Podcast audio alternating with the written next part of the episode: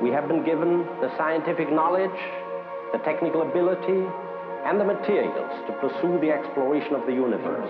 Vitenselskapet. Stedet der vitenskap møter underholdning. Ignition sequence start. Six, five, four, three, two, one. It's one small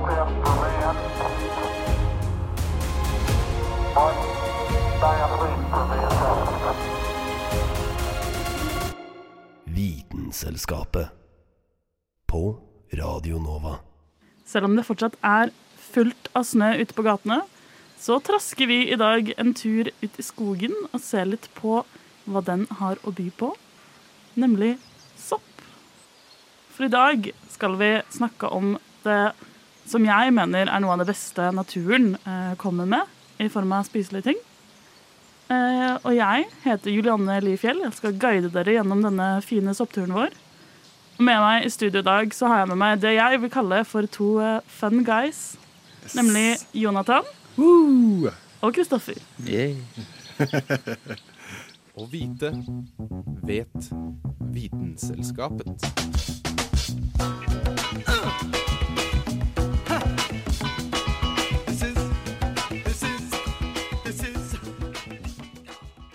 Og aller første dag, Kristoffer, så skal du få lov til å fortelle oss eh, om noe litt morsomt eh, rundt sopp. Ja, ja, altså jeg skal da snakke om litt sånn magiske sopper. Så ikke, ikke sånn Harry Potter-magi, men eh, litt annerledes. Eh, så, så jeg tenker bare dyppe føttene rett inn. eh. Man kan jo nesten føle at man kan gjøre magi. Ja, det tror jeg. Så man turer jo ut gjerne når man tar uh, psykedeliske Hvis Å s- ja, du snakker ikke om veldig god kantarell, altså? Nei, uh, det gjør jeg ikke. Uh, så, men virkestoffene da, i, i disse soppene er da psilocybin og psilosin. Eh, og de eh, er da, har psykoaktive og hallusinogeniske egenskaper. Det er veldig vanskelig å si. Eh, og det er faktisk opptil, altså, eller minst 180 arter som inneholder disse to stoffene. blant annet fleinsopp, som vi har i Norge. Det er såpass mange, ja. Det er såpass mange. Og virkestoffene da, i psilocybin det øker uh, hjernens uh, tilkoblingsevne og aktivitet, faktisk. Uh, så det da synkroniserer aktivitet mellom områder i hjernen som ellers ikke er tilkobla. Som da kan være med på å forklare den liksom drømmende tilstanden da, som, som brukere av sånne sopper gjerne føler. Riktig. Så, så, så eh, for de av dere der ute som eventuelt har prøvd det, jeg har aldri prøvd det, eh, så liksom hvis det føles ut som en drøm, så er det kanskje derfor. Så, så du, du på Så det måte er som å ha som å være drømmende, men i våken tilstand? Ja, jeg tror det. Det er i hvert fall sånn jeg har skjønt at det fungerer. Eh, Men det kan også endre personligheten din. Eh, Som permanent, eller bare Nei. mens du tar den? Semipermanent, I guess. Eh, For det er en studie fra 2011 som kom fram til at eh, altså etter én dose da, med psilocybin, så ble folk mer åpne for nye opplevelser i minst 14 måneder. Og det er jo ganske spenstig. Eh, Og grunnen for denne endringen da, virker å stamme fra hvordan stoffet virker da, på følelser osv. Så, videre. Så, og folks eh, liksom, men, men så er det da en studie fra 2021 da, som viste resultater på det motsatte. Så igjen vitenskap. Folk Ja, for hva, hvordan de, kan de måle hva som er holdt på å si, nye opplevelser? Eller sånn, du er jo uansett mottagelig for nye opplevelser til en viss grad. Ja, Så det her må jo være sånn syke ting nødvendigvis, da, som du kanskje aldri hadde tenkt på før.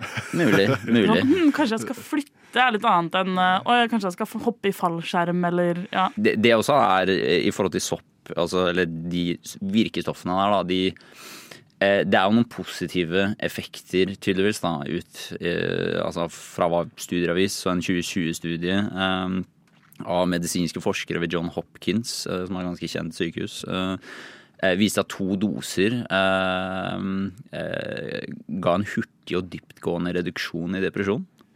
Eh, For det har jeg hørt om at det, liksom, det hjelper mot stress og sånne type ting. da Eller kan gjøre det. Ja, og så er det også et eh, Det var noen kliniske forsøk i 2017 eh, som viste at eh, tre doser eh, mikset med eh, kognitiv atferdsterapi, hjalp folk med å slutte å røyke.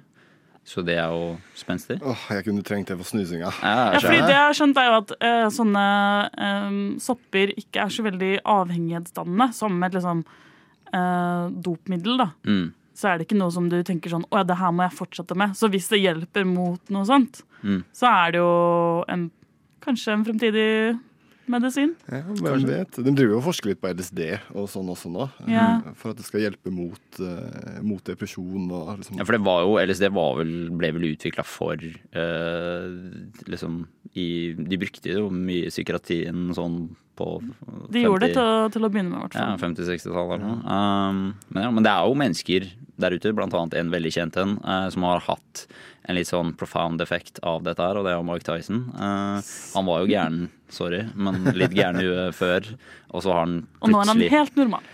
Uh, Han er veldig fil filosofisk og dyp blitt, eh, og det er tydelig at han har blitt endra av dette her, da.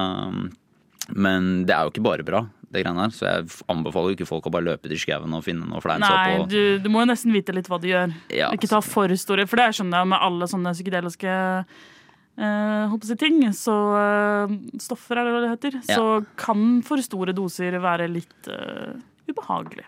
Ja.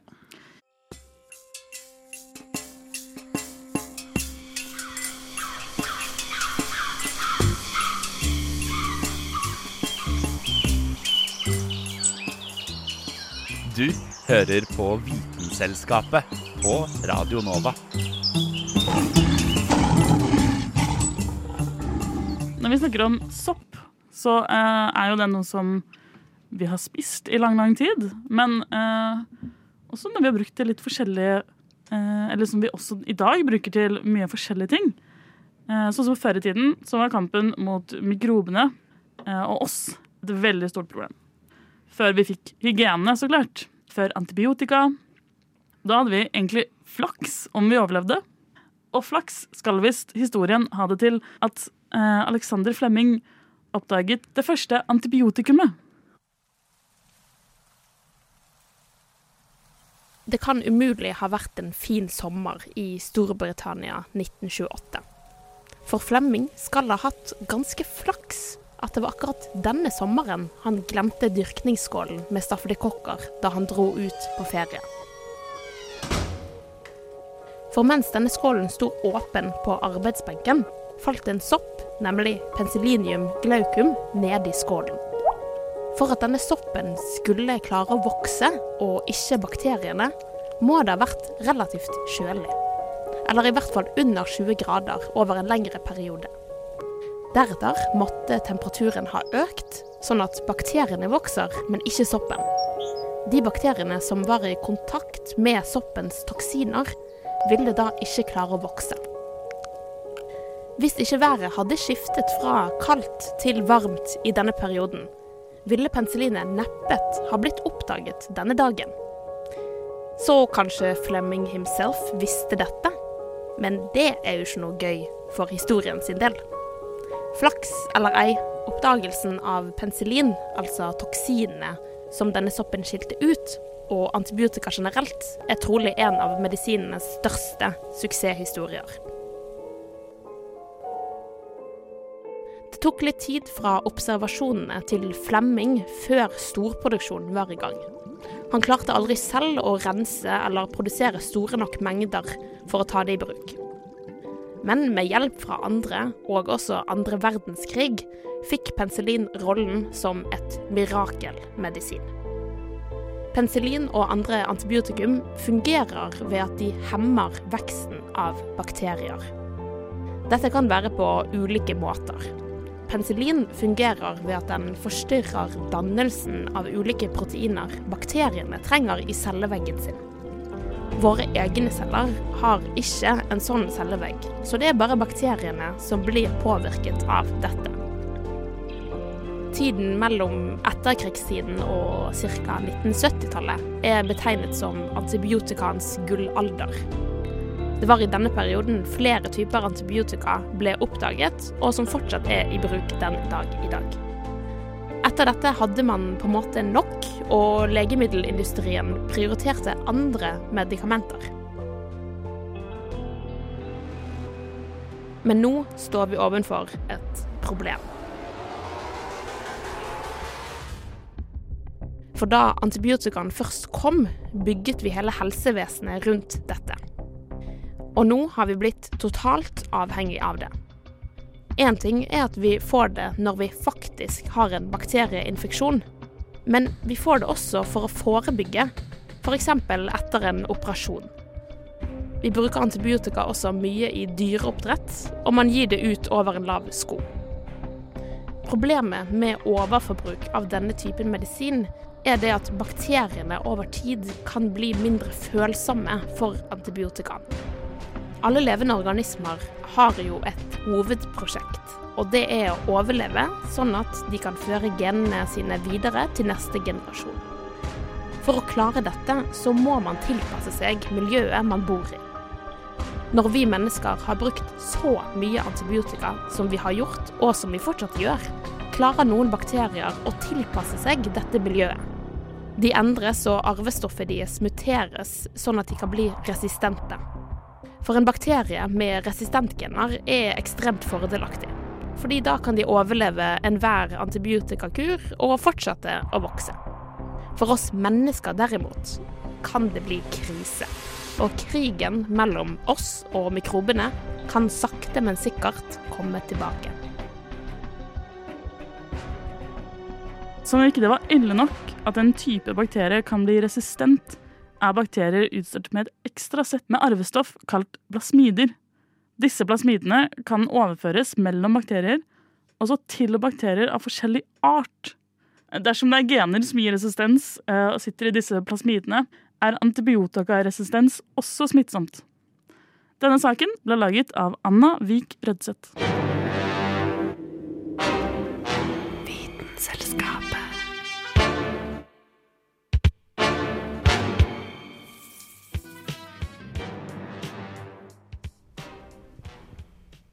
Jonathan. Du skal også få lov til å snakke om noe veldig spennende blant sopp. For du kan ikke bare spise det, du kan også bruke det. Altså ikke bare til sånn som eh, Anna snakket om, eh, eh, medisin, men til andre ting også. Ja, litt sånn byplanlegging er spesielt den jeg har sett på litt ekstra. Og den er egentlig en kjempefascinerende slags amøbefungi lignende organisme. Eh, Jeg skal prøve meg på det latinske navnet til å, til å begynne med. Den heter Fysarum polycephalum. heter den. Nesten litt sånn rim. Og kan høres ut som dem, eh, de Harry Potter-trylle... Ja, det var mer magi her, føler jeg. Ja, det hørtes litt sånn ut som noe sånn Avada Kadavra, liksom, og det jinxer deg eller et eller annet. Ja, altså, og det er ikke helt eh, Heldigvis så dør ingen mennesker av den soppen her. Men eh, det enkle navnet for den er slimmugg. Er, eh, er det vi vanligvis kaller den, da. Nice. Og det som har skjedd med det slimugg, er at det er eh, ganske mye studier som er gjort nå i de siste 10-15 årene på den her. Det er en sånn encellet organisme, og det betyr at eh, alt det livsviktige skjer i én celle, basically. Og den har ikke noe nervesenter eller noe eh, sånn kjerne eller noe hjerne. Så den føler ingenting, og den tenker ingenting. Nei, altså det er jo det Det er et annet spørsmål. ikke sant? Hvordan kaller man Det er bare sånn helt mest basic, da, er det det? Ja, helt det mest basic. Den er bare ute etter næring, og i søken etter næring. Og så En annen diskusjon er jo hva er bevissthet. ikke sant? Men Den trenger vi ikke gå inn i nå, men den er, den er veldig kul, den der òg. Så det, eh, det det begynte med, var at noen japanske forskere syntes den soppen her var ganske interessant, og ville gjøre noen eksperimenter for å se hva den klarte å få til. Så det det begynte med, var å eh, lage en liten sånn eh, labyrint i en sånn petridish, kalles det. Det er en sånn liten skål, basically. Den har noe sånn gelé inni seg, har den ikke det? Jo, litt Ja. grann sånn bløtt underlag. Det er vel sånn det den skal ja, reagere på, sånn at det er helt Ja, ja. i hvert fall altså bare, Man kan, vi kan bare si at det var et lite avgrensa område, eh, og så var det en labyrint inni den her. Så det de gjorde, var å legge havre eh, i enden av den labyrinten her. For å se hvordan den eh, slimmuggen kom seg frem til denne havren. Og det viste seg at om og om igjen så tok den faktisk den korteste veien dit. Så den klarte altså å kjenne igjen og måtte finne næringen raskest mulig, med den mest effektive veien hver eneste gang. På nytt og på nytt og på nytt. Så det her er liksom soppens versjon av uh, labbrottene. Basically. Men hvordan, hvordan kan den finne veien når den ikke kan se eller lukte eller høre noen ting? Altså, det, det, det, er det som er så kult, eh, det er at den faktisk ikke helt vet enda. De, eh, de tror det er et eh, signalmolekyl som blir sendt fra tuppen av skal man da kalle det den geleen, altså den slim, slimmuggen. Og så blir det liksom sendt gjennom hele organismen. fordi den har jo ikke noe sånn kjernesenter. ikke sant? Den har jo ikke noe ordentlig sånn kjerne. Den har mange forskjellige små kjerner spredt utover hele. Så den har ikke noe sånn, hva skal man kalle det, headquarters da, som informasjonen blir sendt til. Men de tror at det er et signalmolekyl som blir eh, sendt gjennom hele kroppen, og som på en måte bare pusher den eh, slimmuggen eh, mot næringen. da. Eh, og det her eh, funket, og siden de siden den fant den mest effektive veien hver gang, så tenkte de vet du hva, nå skal vi prøve noe ordentlig juicy. ikke sant? Nå skal vi uh, lage en uh, lite mini, minikart av uh, Japan. Spesielt i området rundt Tokyo. For å se om For å på en måte se om den har Om vi har klart å bygge et effektivt togsystem, da er det de har lyst til å se. Har vi tatt de mest effektive veiene? Så de la den slimhuggen her i eh, midten. Eller hvor man skulle Hvor Tokyo da er. Og så brukte de, den, de brukte lys for å illustrere Eller for å eh, Hva skal man si Ja, kanskje man kan si illustrere. fjell og hav, sånn at soppen ikke bevegde seg mot lyset, for den er ikke så glad i lys. Den her, den holder seg mest, helst unna det. Og det er litt dumt å bygge togsystem Eller du kan jo, men det er litt ekstra stress. Litt ekstra stress. Så de brukte lys for å passe på at det var der soppen ikke skulle gå. Ehm, så de la den soppen da eh, hvor tåke er, og så brukte de havre eh, for å illustrere de andre byene. Og på under 26 timer hadde soppen da funnet veien til alle disse små havrene, alle disse byene.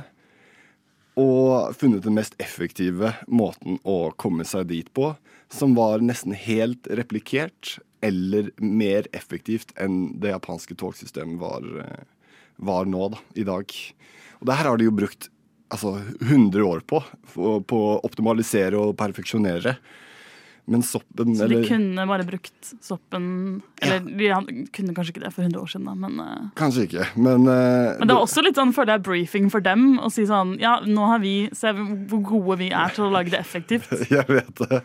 De var sånn Ja, vet du hva, vi har uh, vært noe av det mest Hva skal man si Mest optimaliserte man kan gjøre det. Og de fant at soppen de, altså de, de kommer ikke til å bygge om på ting sånn som det er nå, ikke sant? men det er kanskje noe man kan bruke i fremtiden. da, I hvert fall for å se om uh, hvordan man skal bygge opp jernbanen sin. Så det vi egentlig har lært i dag, er at uh, kanskje Oslo også burde gjøre det for å finne ut av hvor vi egentlig burde bygge ut uh, T-banen? Det hadde vært en veldig god idé. Og det hadde jeg satt veldig pris på, i hvert fall. Ta T-banen hver dag.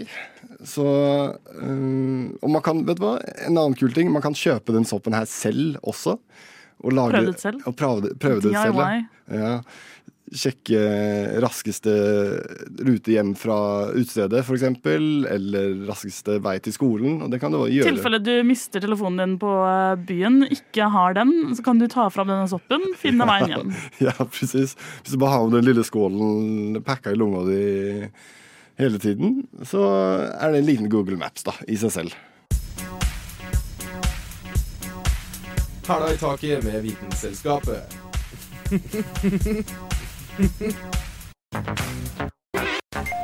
Nå skal vi høre om et helt spesielt vennskap. Giftige eller spiselige, røde, brune eller hvite, slimete, små, store, traktformede eller klassiske kupler som stikker opp fra skogbunnen. Om du går deg en tur i skogen på visse tider av året, er det umulig å ikke komme over en eller annen type sopp. De fleste vil nok tenke at skogen er soppens naturlige hjem, men sannheten er at det er mer komplisert enn som så. Hadde det ikke vært for sopp, er det nemlig ikke sikkert at vi hadde hatt skoger i det hele tatt. Dette er historien om et vennskap som strekker seg tilbake millionvis av år, til en tid hvor ikke engang skrekkøglene vandra på jorda. De tidlige landplantene begynte å utvikle seg på denne tida, selveste urbreinene, som rett og slett satte standarden for alle plantene her på planeten. Disse breinene starta nemlig et partnerskap, en symbiose, med Jeg antar du allerede har gjetta det. Jepp, sopp. Et partnerskap som skulle vise seg å være svært lukrativt for begge parter, og som skogens trær og planter nyter godt av den dag i dag. Sopp har nemlig ikke klorofyll, og er avhengig av andre organismer for å få i seg næring. Gjennom symbiosen som kalles mykorrhiza, får soppen næringen som plantene produserer, og til gjengjeld sørger den for at trærne og plantene får god tilførsel av vann og næringsstoffer, som bl.a. fosfor, nitrogen og kalium, fra forbindelser trærne ellers ikke kan utnytte. Ikke nok med det, soppen kan også beskytte røttene mot parasitter eller tungmetaller fra f.eks. gruvedrift. Dette lukrative samarbeidet foregår bokstavelig talt under føttene våre. Dersom du står under et tre, kunne du, dersom jorda var gjennomsiktig selvfølgelig, sett rett ned på trerøttene som slynger seg under bakken. Røttene forgreiner seg ut og blir mindre og mindre jo mer de forgreiner seg.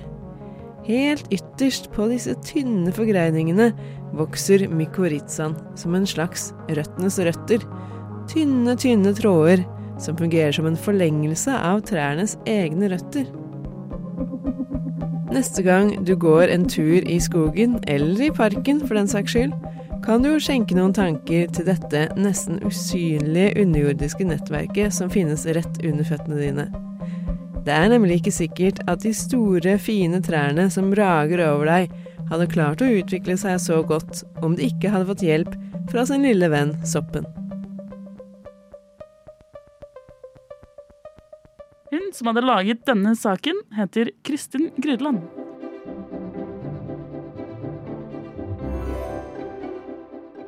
Ja, du hører helt riktig. Du hører på Vitenselskapet på Radio Nova.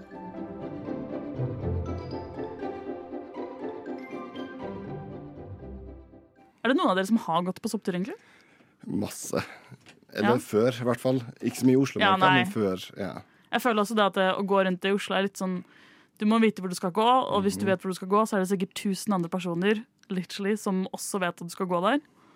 Ja, og for det, er, det er vanlig sopptur du mener, ikke sånn som jeg snakker om. tur Nei, ut på nå snakker vi om okay, ja. Jeg holdt på å si spiselig sopp. Det er jo spiselig sopp du snakker på, men type kantarell, eh, kanskje sjampinjong Jeg tør ikke, jeg tør ikke, ass. Altså, det, det er sånn jeg tenker, jeg er så livredd for at jeg kommer garantert til å drite meg ut, plukke feil og dø. Ja, for det er det som er farlig. Altså, I Norge så er det vel Jeg husker ikke hva den heter, men det er en hvit sopp som ligner noe på, på sjampinjong, tror jeg. Eller noe på en spiselig sopp du finner i Asia. Som vi har hatt mange folk som har kommet derfra og sett den soppen og tenkt å ja, den kan jeg spise, og så er den egentlig giftig.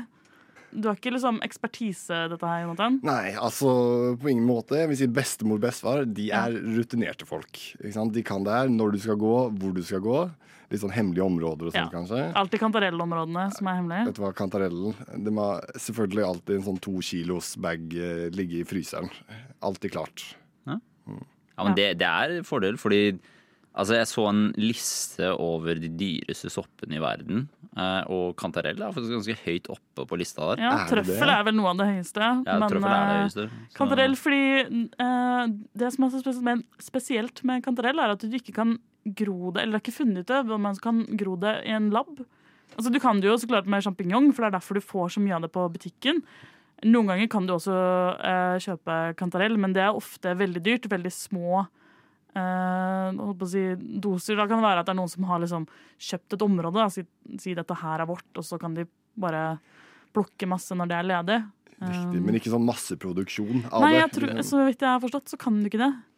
Men uh, en annen Det er litt gøy, for en annen type spiselig sopp er jo en type uh, muggsopp. Og ofte så tenker du på muggsopp sånn Du blir jo ekstremt dårlig av å spise muggent brød, for eksempel. Da. Hvis det bare er bitte litt, så kan det være du går greit, men du kan jo bli helt matforgifta. Og det er veldig spesielt når du også helt fint kan spise muggost. Ja, det er det. Uh, altså, Man hadde jo aldri dratt fingeren langs med baderomskanten og bare sånn mm, Den her skal jeg dra på osten. Slikka det, liksom. Ja. Dette var ost og kjeks i dag, tenker jeg. Men uh, For det er noe Hadde ikke smakt helt det samme, tror jeg. Jeg tror ikke det. Jeg tror det. Jeg tror det har smakt like skitt. Fordi altså, jeg, jeg forstår en, ja, okay. fordi det, det må jo sies at du ikke liker uh, muggost. da. Nei, nei, nei, nei, Men det som er veldig spesielt med i hvert fall muggost, er jo Eller man vet jo kanskje at grunnen til at man kan spise det, er fordi at det er uh, gjort under liksom kontrollerte uh, omstendigheter. Det er jo liksom som ost generelt, eller øl. Du kan prøve å lage det hjemme, men det er ikke sikkert ikke også veldig bra. Um, Kan hende du dør. Ja. Muligens. Og det er også denne muggen som gjør at eh, Sånn som du syns at det lukter veldig sterkt også. Fordi den fermenterer eh, osten. Som er egentlig bare et fint ord for råtne. Ja, egentlig. Men altså, øl, øl er jo også fermentert, da, for så vidt. Eh, og det er jo ikke Eddik også er jo bare Men ja. Det er veldig spennende, fordi det, det som skjer, eller det grunnen til at noe av grunnen til at det lukter, er at når det fermenterer, så kommer det jo ut gasser. På samme måte som på å si, når råtner. Det blir jo ikke noe mer appetittlig av den grunn. Men, eh, ja. men det er også det som gjør at mange syns det smaker veldig godt. Ja, jeg lurer på hvor lenge Om man på en måte kan lage sin egen muggost. Jeg tror jeg ville vært litt forsiktig med Ja. det. Fordi de har vel eh, De bruker vel, så vidt jeg vet, spesielle typer sporer, liksom. Som også er de, som hun eh, godeste Julianne sa, da, at det er i liksom veldig kontrollerte omgivelser. Det er veldig sjelden du får til det hjemme. Så- Det er jo en grunn for at eh, håper de har lov til å selge det, er jo fordi at de vet at det her er trygt å spise. Mm. det, er ikke, det er ikke samme type uh, muggost. Det er jo sånn type Eller mugg, mener jeg. Eh, det er jo sånn at en eh, fluesopp og en kantarell er to forskjellige sopper. En av de kan drepe deg, eller i hvert fall gjøre deg veldig dårlig, og den andre er veldig god å ha på pizzaen, liksom. Det, og det er litt det samme med uh, muggost og eh, muggen på brødskiva di. Eller muggen på norvegiaen din, for så vidt. det- for det var det jeg tenkte på. Om man bare skal la norvegiaen sin stå i Tror ikke jeg ville gjort det, ass. Det, Nei. nei. Jeg pleier, å skjære, altså jeg pleier fortsatt å spise den, men da skjærer jeg av muggen. Ja, de gjør det. Så- ja. Jeg, Jeg gjør det. jeg, klarer, jeg klarer ikke Du kaster hele osten hvis den er Ja, ja, for altså, når jeg vokste opp, det er sånn, vi hadde, litt, vi hadde ikke så mye penger. Så moren min sa til meg bare skrap mygget av brødet. Og jeg tror det er der jeg har det der eh, greiene fra, for det har traumatisert meg. Ja, fordi fra brød så Jeg har prøvd det, og det er det ikke alltid du er like suksessfull. Men eh, ja, når det smaker litt ekkelt, så er det ikke så greit. Men med ost så er det veldig lett å se hvor eh, Eller med Norvegia, i hvert fall. Ja, hvor muggen er, på en Mm. Og jeg bare synes, altså, det er jo lukta som er liksom det mest sånn Eller sånn Mhm. Ja. av eh, I hvert fall på brød, da, føler jeg. Det liksom, lukter hele posen, hvis du skjønner hva jeg mener. Mm. Bare åpner opp, og så bare puff. Ja. Uh. Men take-away-en fra i dag eh, er i hvert fall spis eh, Spis muggost hvis du har kjøpt den i en sopp hvor det en sopp, i en uh, ost hvor den skal være, ikke hvis den er på underveggen din.